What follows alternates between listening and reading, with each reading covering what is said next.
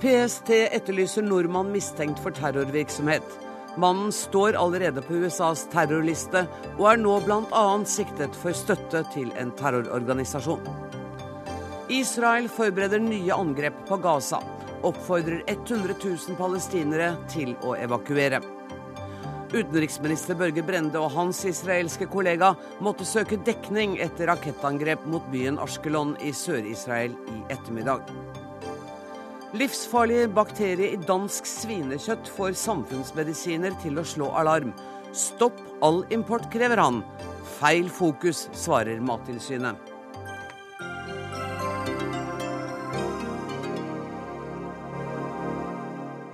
Dette er Dagsnytt 18 denne juli-onsdagen, der vi også skal høre at Dyrevernalliansen mener vi bør slutte å bruke ull av hensyn til dyrevelferden. Men først. Nordmannen som i går ble ført opp på USAs terrorliste, ble i dag siktet av Politiets sikkerhetstjeneste her i Norge og etterlyses nå internasjonalt.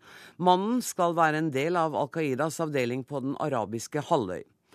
I 2008 gjorde NRKs Eva Marie Bulai et intervju med mannen, som da nettopp hadde konvertert til islam.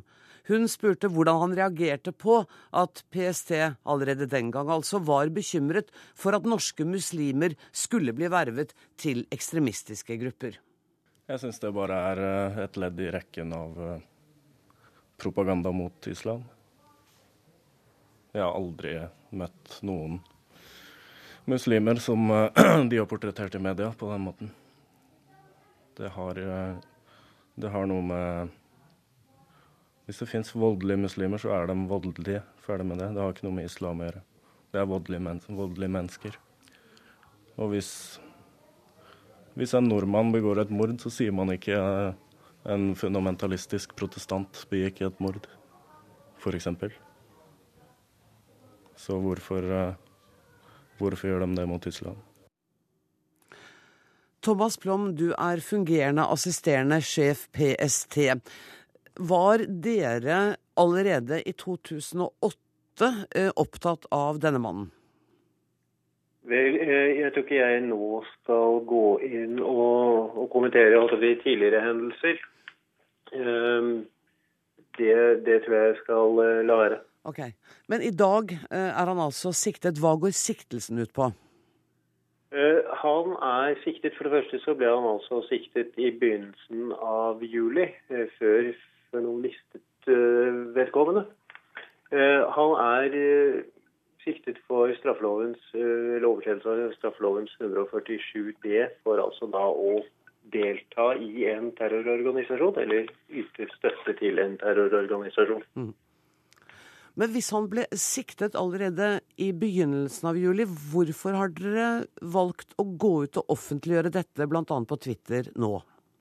Vi valgte det nå eh, ganske enkelt fordi vi så det ble et relativt stort mediefokus på denne listeføringen som amerikanske myndigheter foretok 15.07. Eh, og eh, vi følte i hvert fall da at det var riktig å gå ut og si at vi, vi har ikke vi, vi, har også etterforsket denne mannen over, over relativt lang tid. Kan du på noen måte karakterisere den, hvordan dere vurderer ham eh, når det gjelder farlighet? Nei, det, det tror jeg skal uh, avstå fra. Uh, dette er relativt nøkternt og teknisk. vi har ønske om å pågripe ham. I den forbindelse har vi altså siktet ham og fått tingrettens velsignelse på å sende av gårde en etterlysning med henblikk på pågripelse og, og hjemsendelse hit. til en eventuell utleveringsbegjæring som måtte da følge. Er siktelsen en forutsetning for etterlysningen, hvis jeg kan si det sånn? Er det nødvendig det, det, å gjøre? Det er det. Mm. Um, er Norge på noen måte forpliktet av USAs terrorliste? Nei, eh, mange land har terrorlister og ymse lister. Eh, ingen av de er bindende for Norge. Det vi vurderer, er selvfølgelig den enkelte sak. Og så kommer disse listene inn som ett av flere momenter når man vurderer vedkommende eller vedkommende gruppe opp mot norske straffebestemmelser. Men, men de er ikke bindende. Det eneste vi forholder oss til, er sanksjonskomiteens liste, denne FNs sikkerhetsråds liste. liste. Nettopp. Så vidt jeg vet, så har Norge ikke noen tilsvarende liste som er offentlig. Er det noe dere vurderer? Jeg tror man gjennom tidene i forbindelse med lovarbeid har vurdert dette og kommet til at vi ikke er, verken har behov for eller, eller ser oss tjent med å ha noen sånn liste. Vi vurderer tilfellene enkeltvis, og basert på det man da sitter på av informasjon og mot de enkelte straffebestemmelsene. Thomas Blom, vet PST nå hvor denne etterlyste og siktede mannen befinner seg? Vi, vi har vel en idé. Vil du dele den med meg? Jeg har vel delt den tidligere, og, og vi har vel en antakelse om at han befinner seg i Jemen. Men jeg tror ikke jeg skal være mer presis enn en akkurat det. Tusen takk skal du ha, Thomas Blom, fungerende assisterende sjef PST. Anders Romarheim, du er forsker ved Institutt for forsvarsstudier. Hva kan du si om den gruppen, undergruppen av Al Qaida som han antagelig er knyttet til? Al Qaida på Den arabiske halvøy er kanskje det mest frykta av Al Qaidas regionale avsnitt. De har vist seg spesielt aktive med tanke på å angripe internasjonalt, og da særlig amerikansk luftfart og den typen mål. Og I en periode så har Al Qaida slitt med å på en måte komme seg utover de områdene der de har baser og, og opererer ut ifra, men det har vært en veldig tydelig måls målsetning for AQAP, som de forkortes som. Og de har vært ganske så oppfinnsomme i den forbindelse. Hvordan da? Det var de som sto bak denne Farouk Abdul Muttalab, som hadde da gjemt eksplosiver i undertøyet og var på et fly over Detroit. De har gjemt eksplosiver i printercartridger og utstyr til printere som skulle på cargofly til USA. Og, og så har, det vært, har de vært linka til mer konvensjonelle bombe, bilbombeplott mot Times Square i New York. Så de er helt klart den delen av Al Qaida som USA har mest å frykte for med tanke på et anslag på deres eget territorium. Og Er det riktig oppfattet hvis jeg sier at, sånn at president Obama nå ser Al Qaida mer som hovedfienden? At det er mindre bredspektret den kampen eller krigen mot terror? Ja, det vil jeg si er tilfellet. Eh, krigen mot terror var et Bush-prosjekt. Eh, og Obama har jo knapt benytta begrepet siden han tok over. Det han har vært veldig klar på, er at han oppfatter USA som eh, i en tilstand av krig mot Al Qaida. Å være krig mot en spesifikk organisasjon er jo noe annet enn å være krig mot terrorisme som fenomen og taktikk generelt. Så det har vært en tilspissing. og akkurat denne gruppen er da helt fremst i hypofysen til det amerikanske sikkerhetsstyresmakter. Men de, disse listene, terrorlistene som USA har, det er vel flere typer av dem? Og er de, liksom, er de alltid oppdaterte? Er det den til enhver tid mest aktuelle terroristen som står på de listene? Hvordan disse listene fungerer, er tidvis et mysterium. Og for eksempel så var jo Nelson Mandela og ANC veldig lenge på terrorlister. Og amerikanerne fører både grupperinger og enkeltpersoner. Men du kan si det å komme av disse listene er én ting, men når du så tydelig blir ført på en særdeles alvorlig liste der toppsjiktet i Al Qaida og andre organisasjoner befinner seg, så, så er dette et veldig markant signal om at dette er en person som USA rett og slett betrakter som en fiende. Og det at norsk PST nå etterlyser ham, og han er siktet, det styrker vel også da USAs sak mot ham, hvis man kan si det? Ja, det, så, som PST var inne på, så er dette to separate spor. Eh, og det er klart en, en lovmessig, lovbasert eh, ettersøkelse, anholdelse og prøving for rett retten er jo helt klart den foretrukne veien. Og, og det, det, må vi jo håpe på. Men det er klart Al Qaida i, på den arabiske halvøy de gjennomfører ganske eh, harde angrep. Og er man involvert i det og, og treffer på amerikanske styrker, da er det en krigssituasjon. Og det er livsfarlig. På samme måte som det er livsfarlig de som er i Syria og, og kjemper der. Er man i en krigssone og, og med en gerilja-terrorbevegelse, så er man jo eh, så å si hele tiden under eh, ganske stor fare.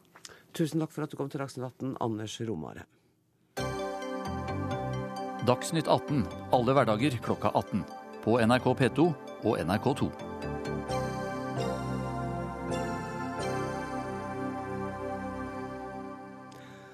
Israel forbereder nye angrep på Gaza etter at våpenhvileavtalen de aksepterte i går, har falt i grus. Nå har Israel sluppet flyveblader og sendt beskjeder over telefon og tekstmeldinger til 100 000 palestinere på Gaza om å evakuere.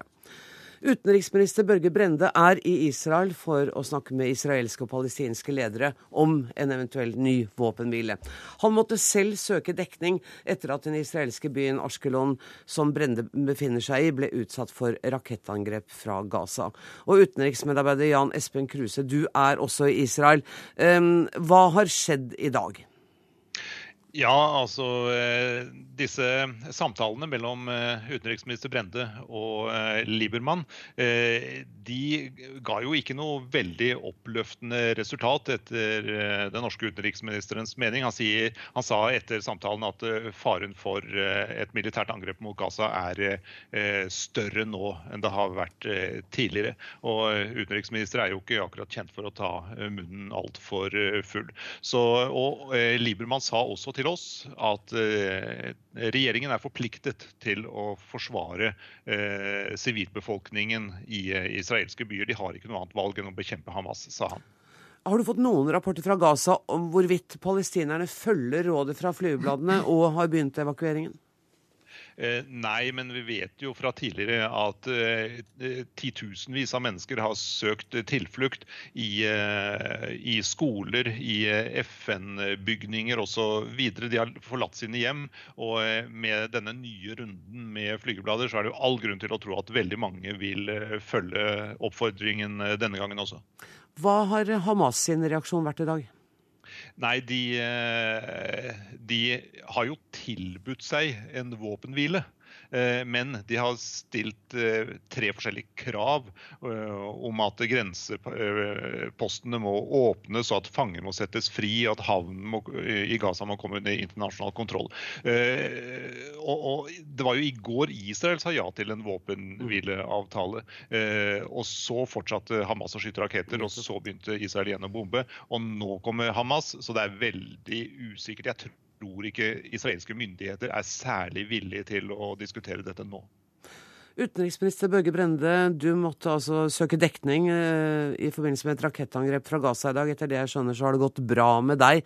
Eh, du møtte altså uten, Israels utenriksminister Liebermann, eh, og jeg hører nå på Jan Espen Kruse at det var ikke noen spesielt optimistisk tone?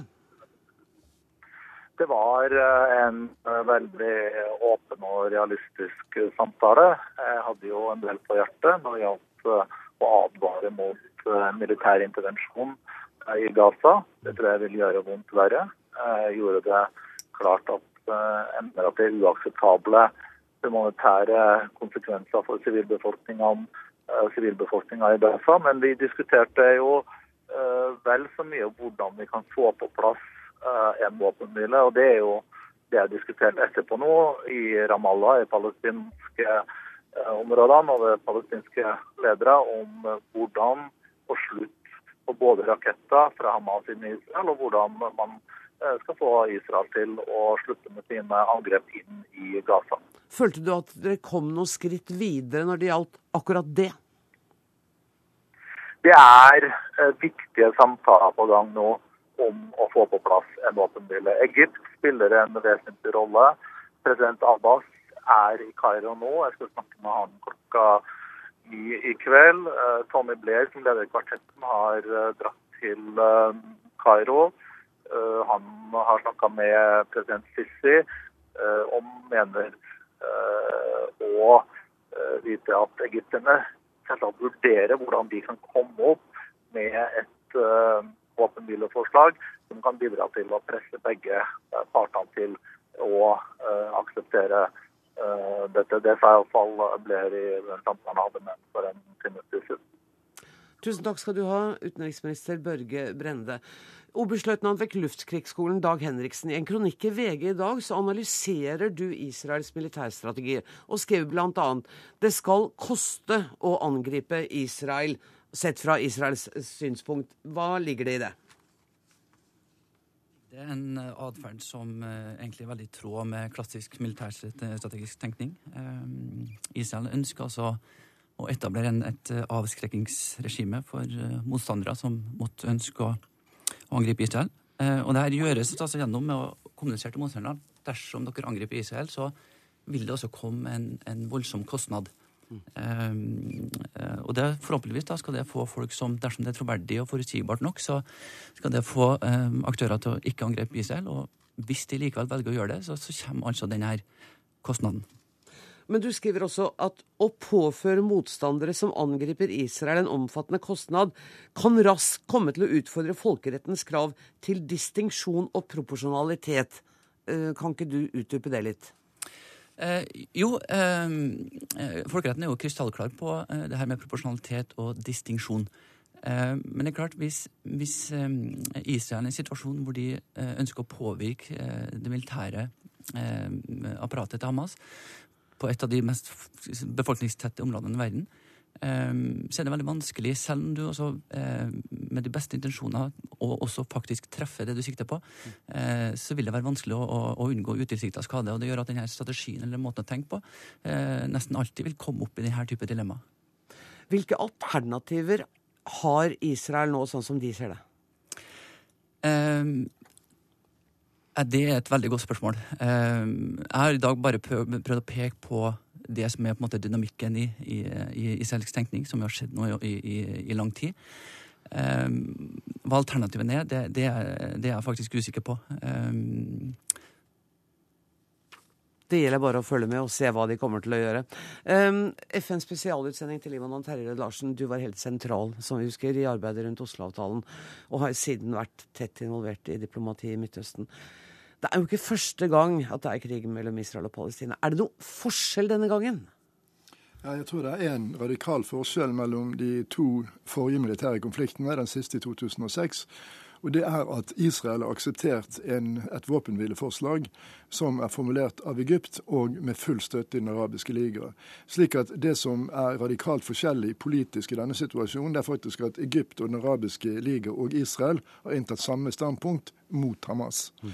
Og Det har forskjøvet hele det politiske bildet, slik at Israel er i en mye bedre politisk situasjon både i regionen og også internasjonalt, siden det er denne enigheten om dette ene spørsmålet. Og Det er en viktig og avgjørende forskjell politisk i den situasjonen vi er i nå. Men det var den avtalen som Hamas da ikke ville godta? Eksakt. Var det et uklokt diplomatisk trekk av dem, eller hvordan vurderer du det?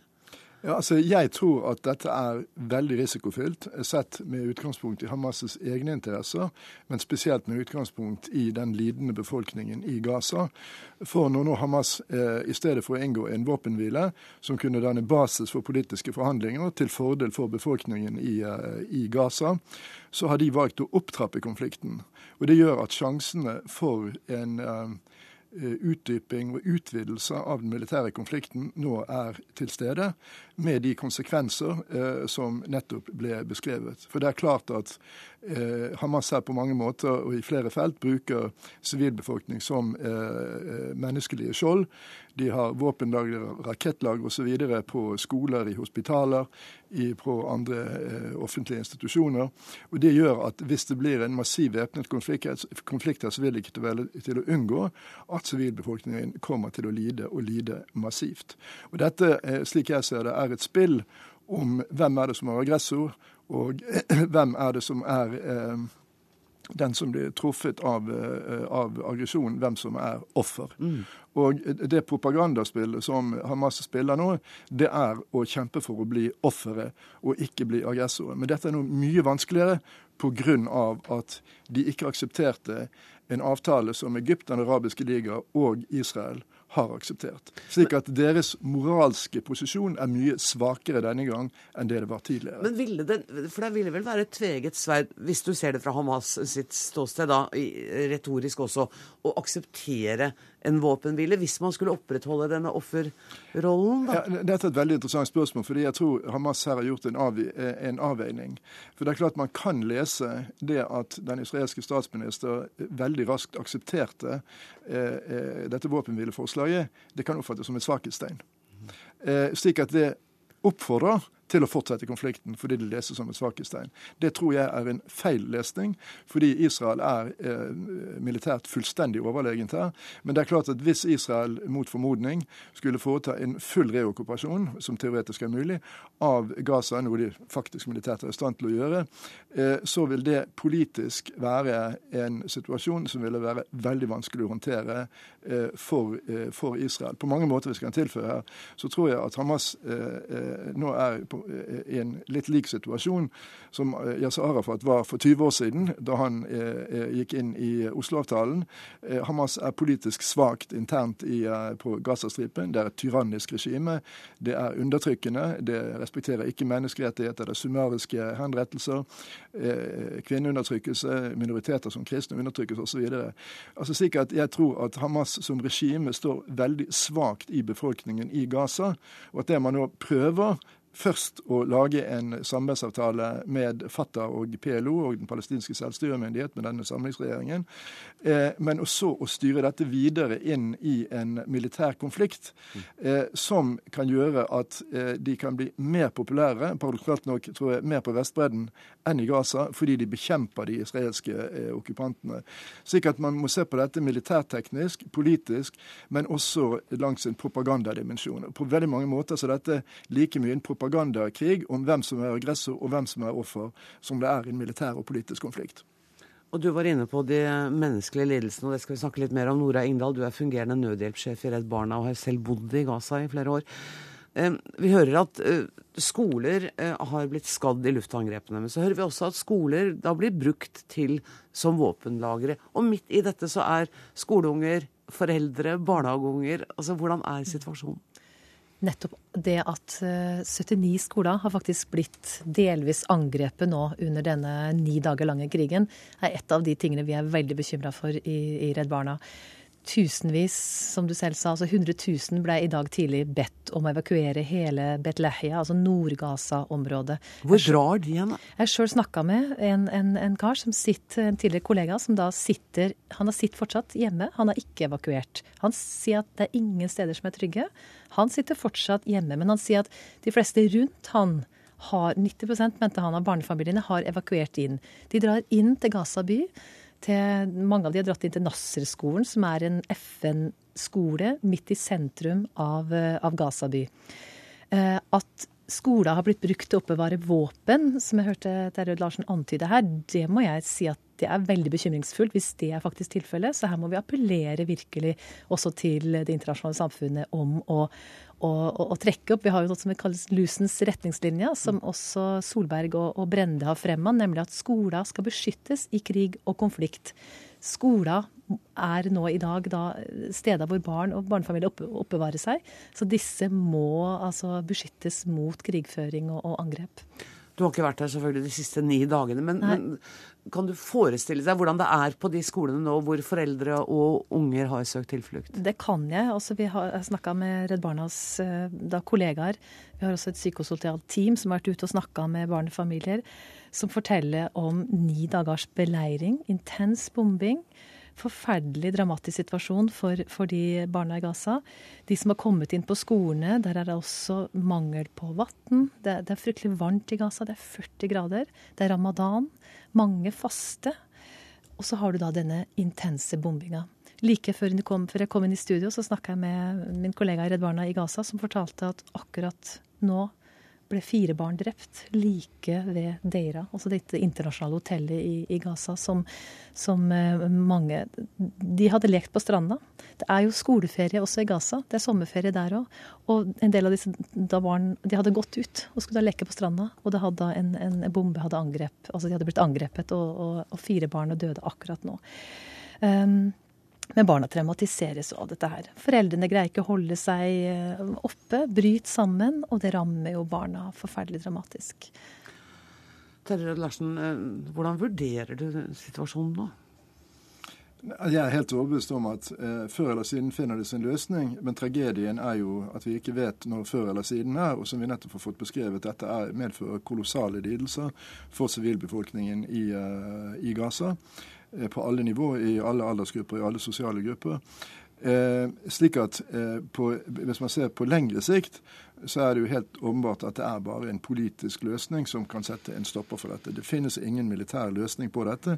Men situasjonen er nå så lenge Hamas opptrapper og ikke aksepterer våpenhvileavtalen, så vil det med det etos man har, som vi fikk beskrevet fra eh, den, eh, fra den norske offiser, eh, som er i, eh, i, Israel, som er i tråd med klassiske teorier om selvforsvar, Eh, så er det helt åpenbart at Israel vil ikke stoppe den militære eh, intervensjonen eh, fra luften, og kanskje føre til at det blir en, en, en bakkeinvasjon. Jeg tror ikke det kommer til å bli en reokkupasjon, men at man kan få en, en repetisjon av veldig mye av det vi så i 2006, hvor massivt israelske tropper går, går inn i, i Gaza. og Det vil det ikke være til å unngå at mange sivile liv vil, vil, gå, gå, vil gå tapt. Mm. Men det, det det partene burde gjøre øyeblikkelig nå, det er jo å gå til bordet og bli enige om en, om en betingelsesløs våpenhvileavtale, og så forhandle. Mm.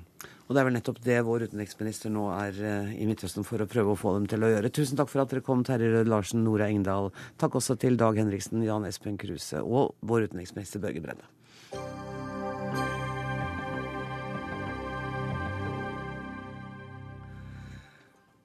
Det skal være et kraftig temaskifte, for det skal handle om kjøtt. Glem dansk bacon og røde pølser. Grisene fra vårt naboland i sør, Danmark, er smittet av den antibiotikaresistente bakterien MRSA. Undersøkelser viser at åtte av ti danske svin er smittet av bakterien, som hittil har tatt livet av fire mennesker i Danmark. Steinar Westin, du er professor i samfunnsmedisin ved NTNU i Trondheim. Og du krever nå at all import av dansk svinekjøtt eh, må stoppes. Er det så alvorlig? Ja, sett fra mitt synspunkt som, eh, som doktor og del av det norske helsevesenet, så jeg sagt at det er akkurat så alvorlig. Selv om jeg kanskje ikke ville underskrive akkurat det du sa om bacon og pølser. For okay. det er blant de produktene som kanskje kan gå fri for smitte når de er varmebehandlet. fordi det er jo ikke uh, inni kjøttet dette sitter, det er stort sett på overflaten. Så det er rått kjøtt vi snakker om? Rått kjøtt. Som, ja. Eh, det er jo gjerne emballasjen og det rå kjøttet som er farlig. Men hvordan smitter den? Altså, hvis jeg tar på rått kjøtt som er smittet, ja. så kan og, jeg bli syk? Og klør deg litt i nesa? Ja. Så er det ikke usannsynlig at du kan bli bærer av denne gule stafylokokken, som vi kaller den. da. Det er en hudbakterie som ikke gjør spesielt skade for deg, men jeg, tror ikke du vil like å gå med den. Det vil si, i hvert fall vil ikke de like at du går med den hvis du kommer inn på et sykehus. For da går alarmen, fordi denne bakterien finnes det ikke noe antibiotika som virker mot. Og den kan være farlig hvis man ikke har et friskt immunsystem? Ja, og hvis du er eh, operasjonspasient. Mm. Eh, hvis du eh, er svekket av annen årsak, hvis du får et utrivelig sår som ikke uten videre gror. Du må jo med en gang tenke at dette må du behandle som om det skjedde i perioden før vi fikk antibiotika under annen verdenskrig. Kristina Landsverk, du er tilsynsdirektør i Mattilsynet. Er det aktuelt å stoppe import av eh, rått svinekjøtt? Jeg tror Det er viktig å understreke at vi gjør jo en betydelig jobb på dette området i Norge. Det synes jeg er, liksom, det er jo på mange måter en gladnyhet. Ja. Vi har jo veldig lite problemer med denne bakterien i norsk fiderproduksjon. Og som det eneste landet i verden så har vi bestemt oss for da å fjerne denne spesielle typen da, av resistente bakterier som er hos gris, fra norsk gris. Så vi har jo kartlagt alle norske svinebesetninger og har eh, funnet til sammen 25 stykker. Og de besetningene er under sanering, eller skal saneres. Dvs. Si at man da fjerner all gris fra besetningene, vasker ned og desinfiserer. Så vi klarer å fjerne på sikt denne eh, resistente bakterien? Ja, det ser ut som vi i Norge klarer det. Og det er ganske enestående. Så det er liksom godnyheten, da. Det er kjempenyhet, Men er det ikke da et høyt spill å fortsette å importere rått kjøtt fra Danmark, hvor dette er et kjempeproblem? Det ekspertene sier, er at det er lite sannsynlighet for å overføre det med kjøtt. Det er det i seg. Vi har jo tett samarbeid med Folkehelseinstituttet her, Folkehelseinstituttet her. Eh, at den viktigste smitteveien det er fra menneske til mennesker. Eller da sånn som med gris, fra gris til mennesker. Og så er det akkurat den eh, smitteveien vi ønsker å fjerne, at vi ikke lenger skal ha det hos grisen. Men er det fra levende gris? Altså den smitter fra også levende gris, ja. Det er den vanligste smitteveien, sier da ekspertene på Folkehelseinstituttet. Så det er jo den vi eliminerer. Så vi eliminerer det viktigste. Det er det vi fjerner. Og så er det jo slik da at i Norge så er jo nesten alt svinekjøttet vi spiser, det er norsk svinekjøtt. Så da gjør det jo i og seg blir det enda sikrere. Og det som importeres fra Danmark, det er litt forskjellig. Det er ganske lite. I fjor så produserte vi litt under 130 000 tonn norsk svinekjøtt som ble solgt i Norge. Og så importerte vi 2600 tonn fra Danmark. Og mye av det var pølser, som er varmebehandlet i Danmark. Mye av det var råvarer til norske pølser, som varmebehandles før de går til markedet. Så dette er en forsvinnende liten del av totalmarkedet. Så jeg tenker sånn folk flest kan føle seg ganske trygge for at svinekjøttet, det norske som er på markedet, der er dette problemet helt eliminert. Og at vi også da nå gjør en jobb og kommer til å overvåke dette området kontinuerlig for å sørge for at vi ikke får smitten inn på nytt. Vesttiden ble du beroliget? Nei da, ja, Vi er beroliget og veldig imponert av Mattilsynet, som har tatt et så klart standpunkt at dette vil vi ikke ha i Norge. Det er jo fantastisk eh, også for oss i helsevesenet at vi har så høyt, høyt ambisjonsnivå, selv om det koster en del. Men det koster jo altså mye mer for de landene som har sluppet dette løs. og det er jo en jeg kaller det en økologisk uh, idioti. som Dette har vært forutsagt for lenge siden, at med den bruken av antibiotika i landbruket vi har i veldig mange europeiske land, så har det vært sagt at dette kommer til å skje.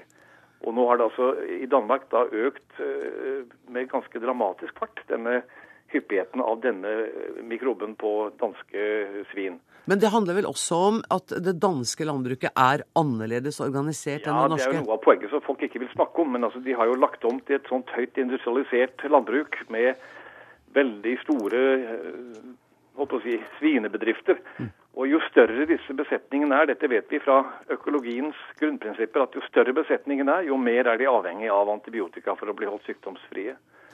Og, og Dette er forutsigbart, mm. og ikke noen ulykke eller noen plutselig hendelse. Men tut og kjør, hold på så lenge det varer. Og jeg syns jo det er aldeles uh, utrolig at uh, ikke det har vært satt inn mer for å bekjempe dette. Det er et globalt problem, det er ganske riktig sagt. men i de industrialiserte landene i Europa har jo dette tatt av helt. Altså, mm. Men, men Bestine, nå nærmer vi oss veldig det landbrukspolitiske, og jeg tenker at ja, ja, tilsynsdirektøren Landsverk ikke er så interessert i å gå inn i diskusjonen om hvorvidt vi skal Hun bør absolutt være interessert i det. Og jeg føler meg ikke beroliget av at når ti eller åtte av ti eller syv av ti danske svin har denne bakterien som bærer, i bærertilstand, mm. at ikke det skal følge med noe ut på rått slakt, det kan jeg ikke skjønne kan være riktig. Så da vil jeg si det får være opp til våre danske kolleger å fortelle oss at det ikke er sant. Ja.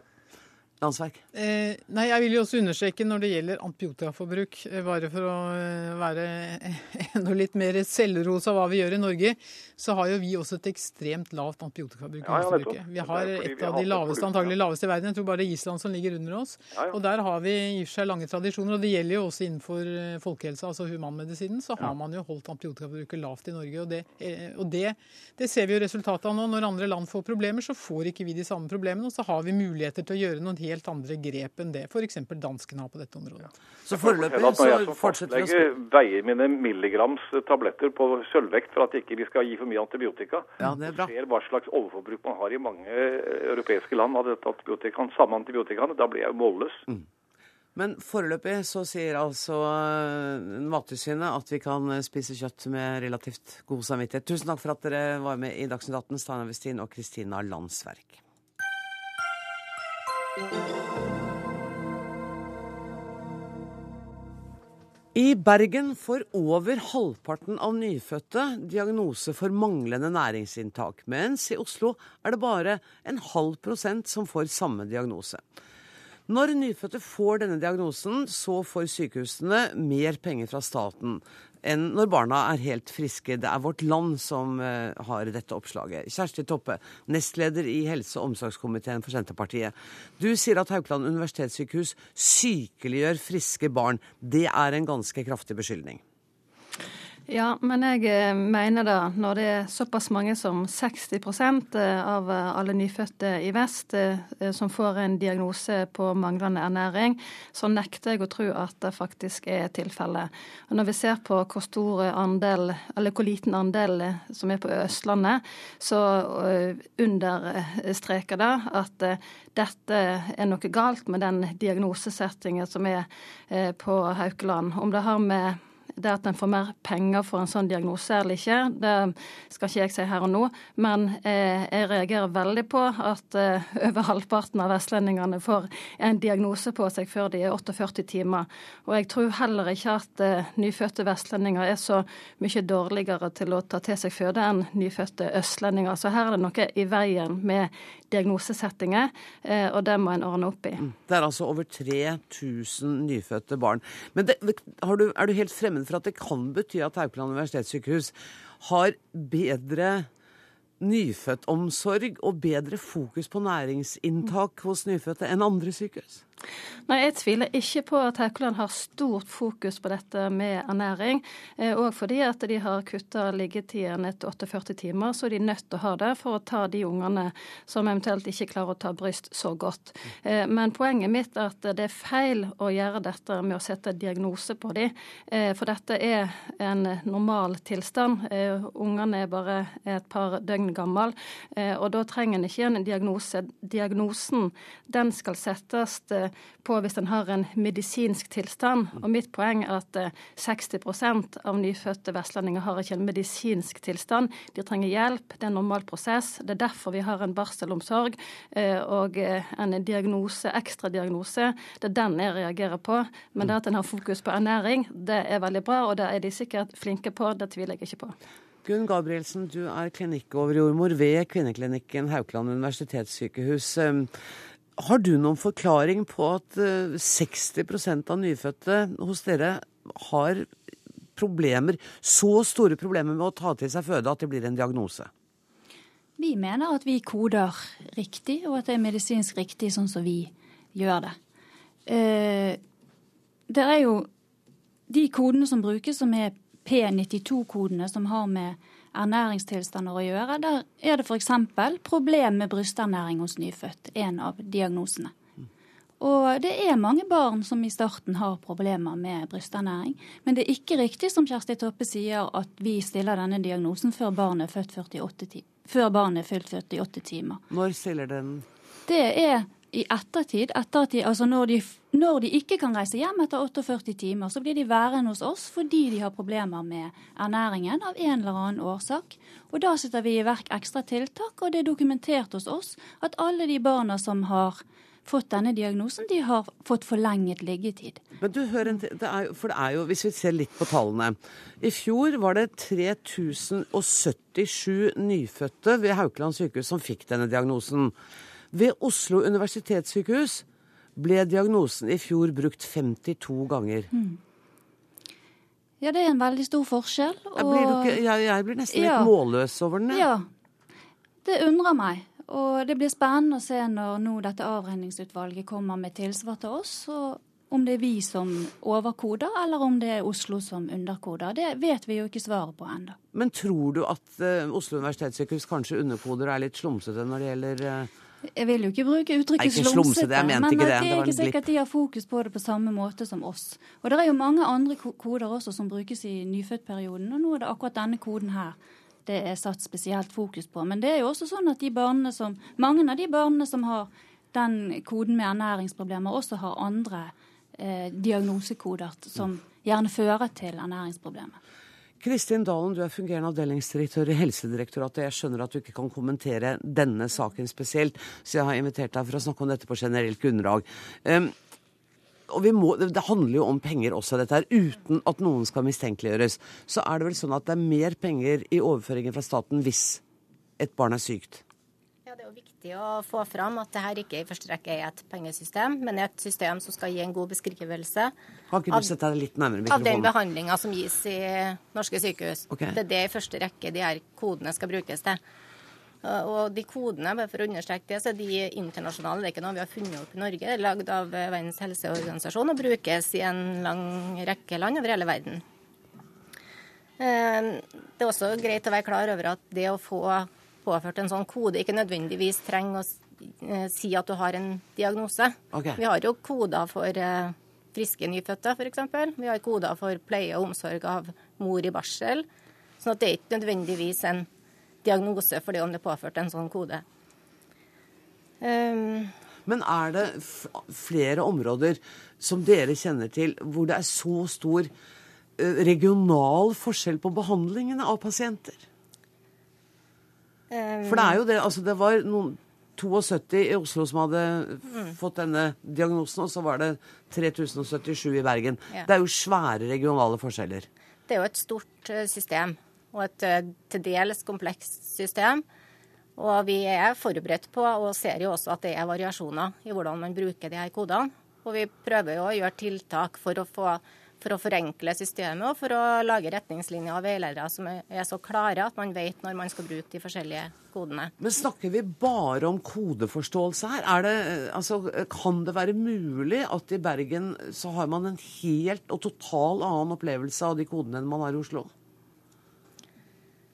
Eh, det, det, kan jo være i tilfeller, hvis du snakker mer sånn generelt, som sier at pasientpopulasjonen er annerledes. Man, man kan i Nå snakker jeg ikke om, spesielt om det tilfellet her, Nei, men at, at, at, det kan være variasjoner som faktisk er reelle. Og at det er store forekomster et sted mot mindre andre sted. Og Enkelte koder er jo veldig lett å vite når man skal bruke, mens andre er mer uklare for hvor grensa går for når man kan ta i bruk en sånn kode. Hvor er dette stor, en uklar eh, kode? Hvor store ammeproblemer skal man ha før ja, man kan bruke en sånn kode? Og hvor uh, lite mat skal barnet få før vi kan bruke koden for lite mat? Sånn at da må dere ja. sette dere ned og gjøre dette enklere, sånn at det blir større likhet? Det er et tiltak. Uh, men avviser du helt at det er økonomiske sider ved denne saken? For at i løpet av fem år så har jo da Haukeland sykehus mottatt mer enn 20 millioner kroner ekstra i overføringer fra staten mm. pga. dette. Eh, nå kan vi jo si fra Helsedirektoratet at det har jo ikke noen grunn til å tro at det er noe stort omfang av koding som er basert på at, at sykehuset ønsker å skaffe seg mer penger.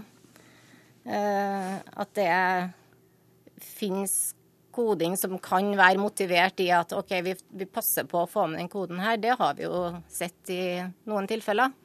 Nå skal jeg ikke si noen i saken her, den er jo til behandling i avregningsutvalget. Men i andre saker har dere sett tilfeller av at man har brukt koningen for å tjene penger? Eller for å få mer overføringer? Der man kan tenke at det ikke kan finnes en, en annen forklaring, ja. Mm. Kjersti Toppe, hvordan vil du ta denne saken videre? Eh, dette er en sak som eh, en er nødt til å gå gjennom. At eh, Helsedepartementet, Helsedirektoratet ser på dette. For jeg mener det er helt opplagt at Haukeland sin praksis er helt feil når de først setter liggetid på to døgn og så gjør alle eh, unge en diagnose dersom de skal få være lengre.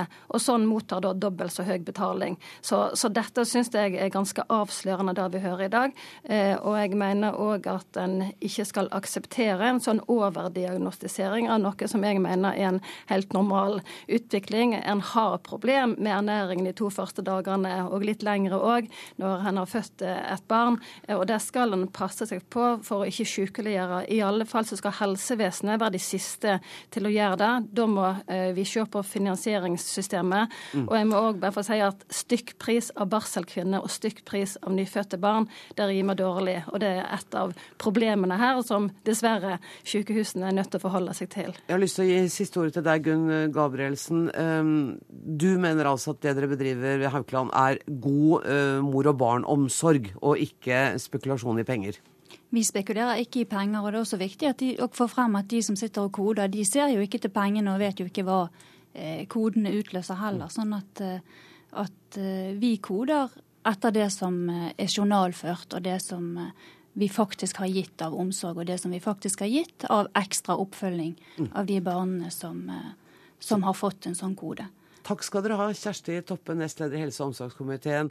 Takk til Gunn Gabrielsen, klinikkoverjordmor ved Kvinneklinikken ved Haukeland universitetssykehus, og til Kristin Dalen, fungerende avdelingsdirektør i Helsedirektoratet. Hør Dagsnytt 18 når du vil. Radio NRK NO. Den amerikanske dyrevernorganisasjonen PETA har denne uken sendt ut en video som viser blodige sauer som mishandles av saueklippere. Klipperne slår, sparker, tramper på og kaster sauene i veggen for at de skal ligge stille. Disse opptakene er gjort eh, med skjult kamera i Australia og USA og har vakt oppsikt over hele verden. Siri Martinsen, veterinær i dyrevernorganisasjonen NOAH. Hvor spesielle er disse scenene fra det sauefjøset som vi har sett? Jeg vil vel si at det mest spesielle er at man har fått anledning til å eksponere det. Eh, jeg vil karakterisere det vi ser som eh, altså skyggesidene av eh, masseproduksjon med levende dyr. Og de skyggesidene er det faktisk veldig mange av. Vi ser det på slakterier, vi ser det i håndtering av dyr som her, vi ser det i måten de lever på. Så dyr lider når de blir bare et nummer i rekken, når de blir råvarer, ting. Og eh, det er ikke så ofte man får anledning til å se det på nært hold som forbruker. Men dette er jo ren mishandling, det vi ser her. Det er, jo ikke, det, er ikke, ja. det er jo ikke saueklipp, det er jo en systematisk mishandling av dyrene. Er det, mener du at det er det generelle bildet også i Norge? Eh, jeg mener at vi ikke skal eh, slå oss på brystet og si at eh, i Norge så behandler man alltid dyrene med silkehansker. Når det er mange dyr som skal gjennom et system, så blir dyrene veldig lett ting. Når det er produktene fra dem som er hovedpoenget, og ikke dyrenes egenverdi. ja, det er mishandling, og det er eh, repet, altså mishandling som gjentar seg, og som kan sies å være systematisk. Men det er helt klart ikke mishandling som står i arbeidsbeskrivelsen og manualen til disse saueklipperne. Det er klart at eh, de som er arbeidsgivere, vil jo si at de har systemer, de har kontroller. Eh, dette er jo på en måte ikke noe som de vil stå for. Og det måtte altså en avsløring, en undercover-avsløring til for at vi skulle få vite det. Eh, ellers hadde vi aldri fått vite at dette skjedde. Og dere vil nå at vi skal slutte å gå med ull? Altså, NOAH vil gjerne fremheve og sette fokus på at det finnes mange bra materialer som er dyrefrie, og som man derfor kan bruke med helt god samvittighet, altså uten at noen okay. dyr har lidd for det. Og disse materialene bør fremheves, de bør bli vanligere, og de bør erstatte i mye større grad produktene som kommer fra dyr. For så fort man får masseproduksjon av noe som kommer fra et levende vesen, så risikerer man faktisk at det levende vesenet blir borte i systemet. Initiativ for etisk handel, seniorrådgiver Magne Paulsrud, dere er interesseorganisasjon for bedrifter som ønsker å drive etisk, andre Hennes og Maurits. Hva gjør dere for å sikre at uh, klærne vi kjøper ikke inneholder ull fra skamslåtte sauer? Eh, nå er medlemmene våre på ferie, men jeg har tatt en telefonrunde til jeg får si, fem ikke betydelige aktører på det norske markedet. Eh, både barneklær, voksentøy og, og, og sportstekstiler. og Eh, det jeg kan si at medlemmer gjør på generelt grunnlag, er at de stiller krav, tydelige krav til sine produsenter. Altså ikke ullprodusenter, men de som lager ulltekstiler, f.eks. en underbukse eller en trøye. Om at de ikke aksepterer eh, eh, dyreplageri fra de tekstilene som denne produsenten syr den ulltrøyen av. Mm. Det betyr jo at, eh, at for eksempel, Er det nok? Eh, det kan man spørre seg om. De erkjenner helt åpent og helt ærlig eh, at eh, dette er komplisert. Altså Leverandørkjeden er lange, uoversiktlig. De strekker seg over ulike kontinenter. Ullen fra Australia, produksjonen kanskje i, i Kina f.eks. Ikke sant? Så de erkjenner jo at disse avsløringene er ironisk nok eller tragisk nok bra, for det gjør at de kan iverksette ytterligere tiltak. Men hadde ikke Siri Martinsen et poeng her at man burde slutte å bruke materialer som kommer fra dyr? Nei, jeg syns det ikke er helt riktig. fordi at eh, det blir Da har man eh, vi får si, sluttet dit hen at alle ullprodusenter driver etter disse metodene. Og det, det, har jeg veldig vanskelig for å tro. Eh, så jo, men Da er vi inne på tro og tvil. Altså Nå har vi sett disse bildene. Du vet heller ikke i hvor stort omfang dette skjer. Nei. Jeg har, altså jeg har sjekket litt disse dagene. Jeg har ikke kommet tilbake fra ferie selv. Og det finnes eh, organisasjoner, og spesielt da i Australia, som jobber både for bransjen, men også da for ull. Altså da tenker jeg på, på ull som eksportvare for Australia, men også for ullprodusenter. De som driver opplæring altså Jeg har ikke detaljkunnskap om dette her, men jeg syns det er litt i overkant. Og vi får si insinuere at alle ullprodusenter driver og mishandler dyrene på denne måten som PETA-videoen viser, som for øvrig er helt, helt groteskt. Nei, vent litt, Vi skal ha med Jannike Helle Risøen, som er daglig leder av Nøstebarn. Du driver en kleskjede som er kjent for å selge barneklær av ull. Myk merinoull som er importert. Hvor kommer den ulla fra som du strikker klærne? Eh, vår ull kommer hovedsakelig fra Sør-Amerika. Eh, den er jo da IVN-godkjent. Hva betyr det? IVN er den strengeste sertifiseringen som tekstiler kan få. Eh, den skal sikre eh, hele løpet til plagget. Altså fra dyre, godt dyrehold, etisk produksjon med gode arbeidsforhold, lite miljøutslipp og et giftfritt sluttprodukt. Hvorfor kan ikke alle gjøre som dere, da? Eh, det er jo igjen det som, eh, som ble sagt her, krav til effektivitet. Mm. Eh, våre krav til billige klær gjør at, at produsentene vil ha mer jeg mer effektiv, effektiv, både klipping og produksjon, og det, det ødelegger for både mennesker og dyr. Det er jo ikke bare dyr som lider under den, under den form for produksjon. Også mange mennesketragedier har vært avdekket i forbindelse med det. Og jeg tror heller ikke at løsningen er å gå over til andre fibre. Eh, ull er et i utgangspunktet veldig miljøvennlig fiber, og eh, mange plantefibre trenger mye mer bearbeidelse og eh, mye sprøytemidler som blir brukt under produksjon. Men hvorfor må det være så dyrt å sikre seg mot uetisk behandling av dyr og uetisk handel? Du sier at det er dyrt? Altså Det er jo dyrere når et dyr skal ha altså Man skal bruke litt lengre tid på klippingen. Man mm. skal ha bedre plass. Eh, de skal ha uteområder. Det gjelder jo alt form for dyrehold som er økologisk. Men vil ikke vi forbrukere gjerne det? Vil ikke jeg gjerne vite at det dyret som har gitt ulla si til den genseren, har hatt det så bra som det går an? Jo, og der har jo vi i bransjen et stort ansvar. At vi må sikre oss. Men også forbrukerne har en stor makt der, egentlig. Eh, de må også stille krav, og de må også være villige til å betale det det koster å fremstille klær på en etisk forsvarlig måte. Siri Martinsen, denne merkingen, IVN-merkingen, ville det vært tilfredsstillende hvis alle gjorde det? Uh, nei, uh, merkeordninger er uh, ofte ikke tilfredsstillende. Jeg har bare lyst til å først sortere litt her. Altså, jeg insinuerer jo ikke Vi har ikke Jo, nei, nei, men litt. Jeg insinuerer ikke at alle eh, slår dyrene. Men det jeg prøver å si, det er at det er en sammenheng mellom hvordan dyrene blir tingliggjort og behandlet eh, dårlig, og masseproduksjon. Store volum av, eh, av, produkter fra dyr, det er problematisk. Det handler ikke bare om pris, det handler også om volum. Mm. Og eh, sertifisering, det er faktisk ikke nok. Ser man for seg at disse storprodusentene som nå er avslørt i Australia og USA at det aldri har vært kontroller der. Nei, Det ser man jo ikke for seg. Selvfølgelig er det sannsynlig at det har vært kontroller der. Og jeg ser jo at f.eks. Nøstebarn, som sikkert gjør da så, så, godt de kan, men allikevel så ser jeg at den animal welfare, altså dyrevelferdssertifiseringen som dere henviser til på sidene, det er jo Australias uh, livestock organization, altså kjøttbransjen selv, som har den sertifiseringen. Og de har altså ikke klart å avdekke dette i sine kontroller, som da de formodentlig har hatt. Det måtte måtte en avsløring undercover til. Og det viser i seg selv at disse sertifiseringsordningene de kan være fine på papiret, men de er forferdelig vanskelige å uh, lene seg på i realiteten. Og der fikk og Siri Martinsen siste ord i uh, denne debatten igjen. Tusen takk for at dere var med, Siri Martinsen, Magne Paulsrud og Janniken Helle Risøen.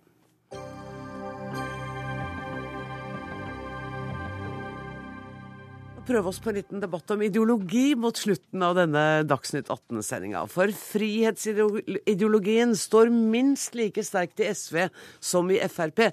Men venstresida tar avstand fra organisert egoisme. Det hevder Audun Lysbakken. I Klassekampen pågår det nå en heftig frihetsdebatt mellom SV-lederen og lederen av FPU. Og Heikki Holmås, du er stortingsrepresentant for SV. Lysbakken fererer, ferierer, tror jeg, ikke her, men du stiller i hans sted. Altså det, det har fulgt denne debatten mellom Lysbakken og FPU. Så er det den individuelle frihet. Og den har vel aldri stått høyest på sosialistenes dagsorden. Er det ikke en litt høyredreining og litt sånn å følge, løpe etter høyresida når dere nå sier at uh, vi skal ha en venstreside som ikke er så opptatt av å være skeptisk til å regulere folks privatliv? Nei, og det Audun prøver å, å, trekke frem, og som jeg eh, selvfølgelig er dundrende enig i, det er at det er forskjellige veier til frihet som er, som er viktige.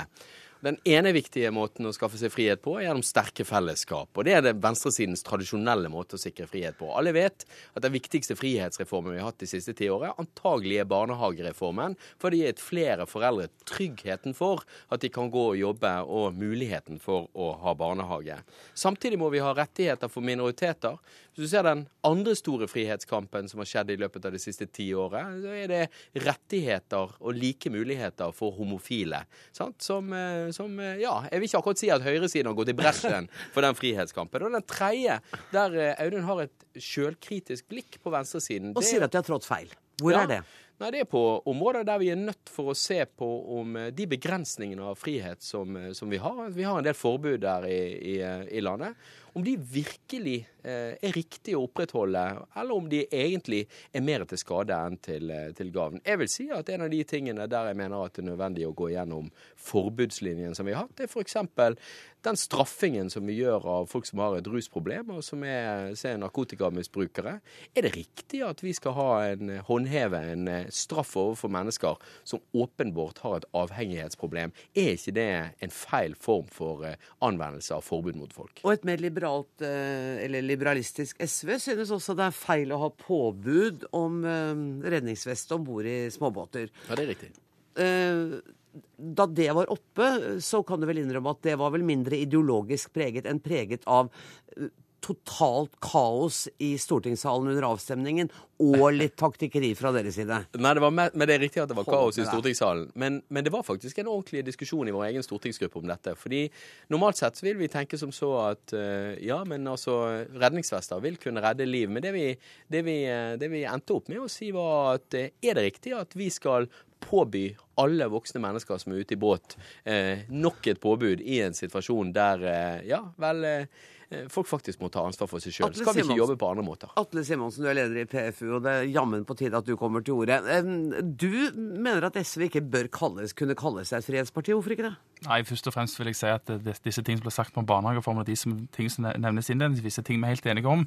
Men man skulle jo nesten tro at hele SV er blitt ramma av et eh, kollektivt solstikk i, i sommervarmen. For det, det, det er ikke hverdagskost at partiet i Norge som har kjempa mest for forbud, påbud, reguleringer, høye skatter og tvang, eh, snakker om å bli et antiforbud- og frihetsparti. Eh, og jeg tror ikke at frihet er det du finner i synonymordboka hvis du slår opp under sosialisme, for å si det sånn. Men, men jeg er veldig glad da, for at eh, det at marxisten eh, Lysbakken må bruke høyresida sin retorikk, er det nyeste i rekka av liberalistiske serier i Norge. Eh, den er ikke like stort som når Berlinmuren falt, men, men likevel. Eh, og Norge skårer allerede fra før høyt i rangeringer om økonomisk frihet, næringsliv, vern av eiendomsrett, frihandel og muligheter for privat eierskap. Og disse tingene er det stor enighet om i Norge. Eh, men jeg forstår at ledelsen i SV har pressa. Velgertallet stuper, og da må Audun og Heikki finne på noen retoriske grep for å lure velgerne tilbake til, til, SV og få dem til å tro at de er et frihetsparti. Er det, er det bare det? Er det bare et retorisk grep da, Holmås? For Nei. det vil vi jo gjennomskue etter hvert, vet du. Det er det ikke. Fordi at okay. uh, i uh, La oss si sånn, den gangen, denne, denne, debatten har jeg drevet på med lenge. fordi mm. Allerede den gangen jeg var SU-leder i 1997 i valgkampen, så hadde vi frihet som slagord. Og vi pekte på at f.eks. ungdoms mulighet til, frihet til å etablere seg på boligmarkedet var sterkt begrenset av at vi hadde det mest liberale markedet i Europa, som gjør at har du lite penger og lite av, vel, da stiller du dårligere. Og den andre friheten som ja, er aktualisert senest de siste dagene med reportasjer fra, fra, NRK, er friheten til å føle seg fornøyd med sin egen kropp. Eh, mens du ser at eh, vi utsettes for reklame, press hele tiden, som gjør at eh, antidepressiva-bruken blant ungdom går oppover. Atle, det å kjempe for den form for frihet er viktig. Ti sekunder av denne sendinga, Simonsen. Frihet til å være glad i egen kropp vil SV gi oss. Ikke bare det, men det handler om at du må ha friheten til å, og retten til å velge feil. Og det er det sosialistene ikke skjønner. For de er det en buffé hvor du kan velge ut de få tingene som SV får. Mens for Frp så er frihet hele måltidet, eh, og må akseptere at folk gjør dumme valg. Hva? Altså, min frihet til å velge feil består i at jeg er helt nødt til å avrunde denne debatten allerede nå. Tusen takk til Heikki Holmås. Takk også til Atle Simonsen. Jeg skal helt til slutt bare fort nevne at ansvarlig for sendinga i dag var Andrea Kvamme Hagen. Det tekniske ansvaret har Karl Johan Rimstad, og jeg heter Anne Grosvold. Vi høres igjen i morgen. Takk for nå.